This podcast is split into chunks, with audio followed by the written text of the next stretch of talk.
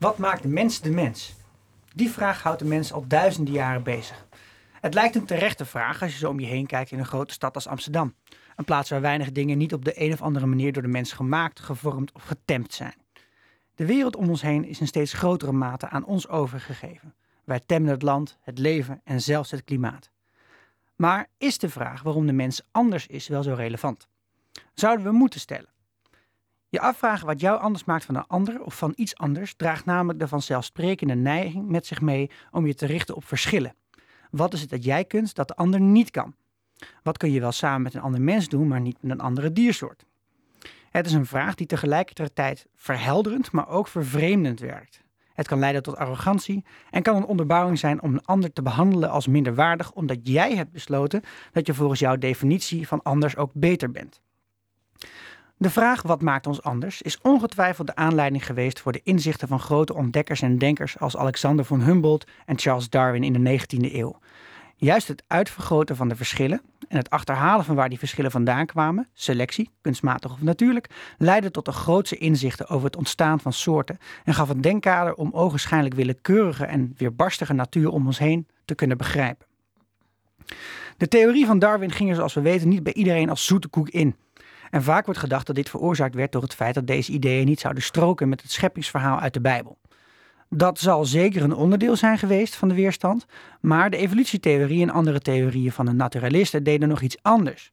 Ze zetten de mens niet boven, maar tussen de dieren en de natuur om ons heen. Dat was een klap in het gezicht van het antropocentrische wereldbeeld. Het beeld waarin de mens een unieke positie innam en zich ook via deze weg superieur kon achten. Toch leidden deze nieuwe inzichten niet tot een verzoening tussen mens en natuur.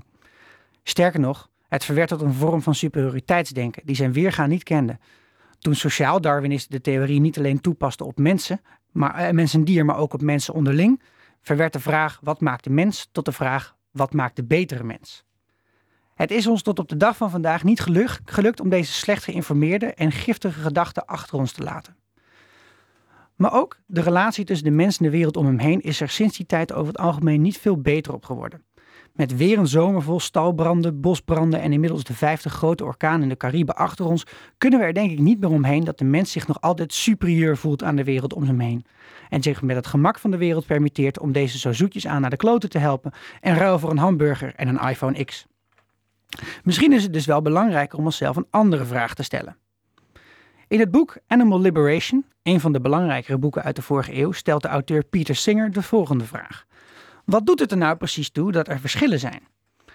Ja, stelt hij, er zijn verschillen tussen man en vrouw, net als dat er duidelijke verschillen zijn tussen iemand met een blank en een donkere huid, maar dat betekent nog niet dat het gerechtvaardig is om hen verschillend te behandelen. Na vast te stellen dat er geen overtuigende rechtvaardiging is voor racisme of seksisme, stelt Singer dat er om vergelijkbare redenen ook geen rechtvaardiging is voor wat hij speciesism of soortisme noemt.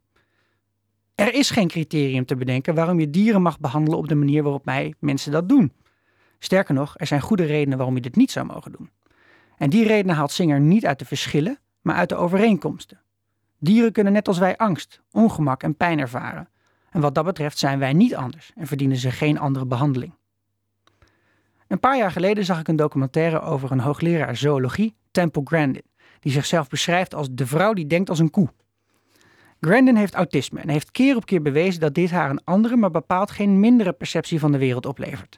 Zij ziet dingen die andere mensen niet zien en past dit toe in haar onderzoek en in adviezen over veeteelt die ze formuleert voor de Amerikaanse overheid. In haar boek Animals in Translation, een echte aanrader overigens, sluit zij na vele biologerende pagina's over bijzondere eigenschappen van mens en dieren, inclusief de hond en de mens, met het advies af, namelijk geef dieren het voordeel van de twijfel. In plaats van ervan uit te gaan dat dieren iets niet kunnen, probeer eens te achterhalen hoe ze het wel zouden kunnen. Dan blijft er namelijk van de vele uitspraken over wat de mens zo uniek maakt, maar bar weinig over.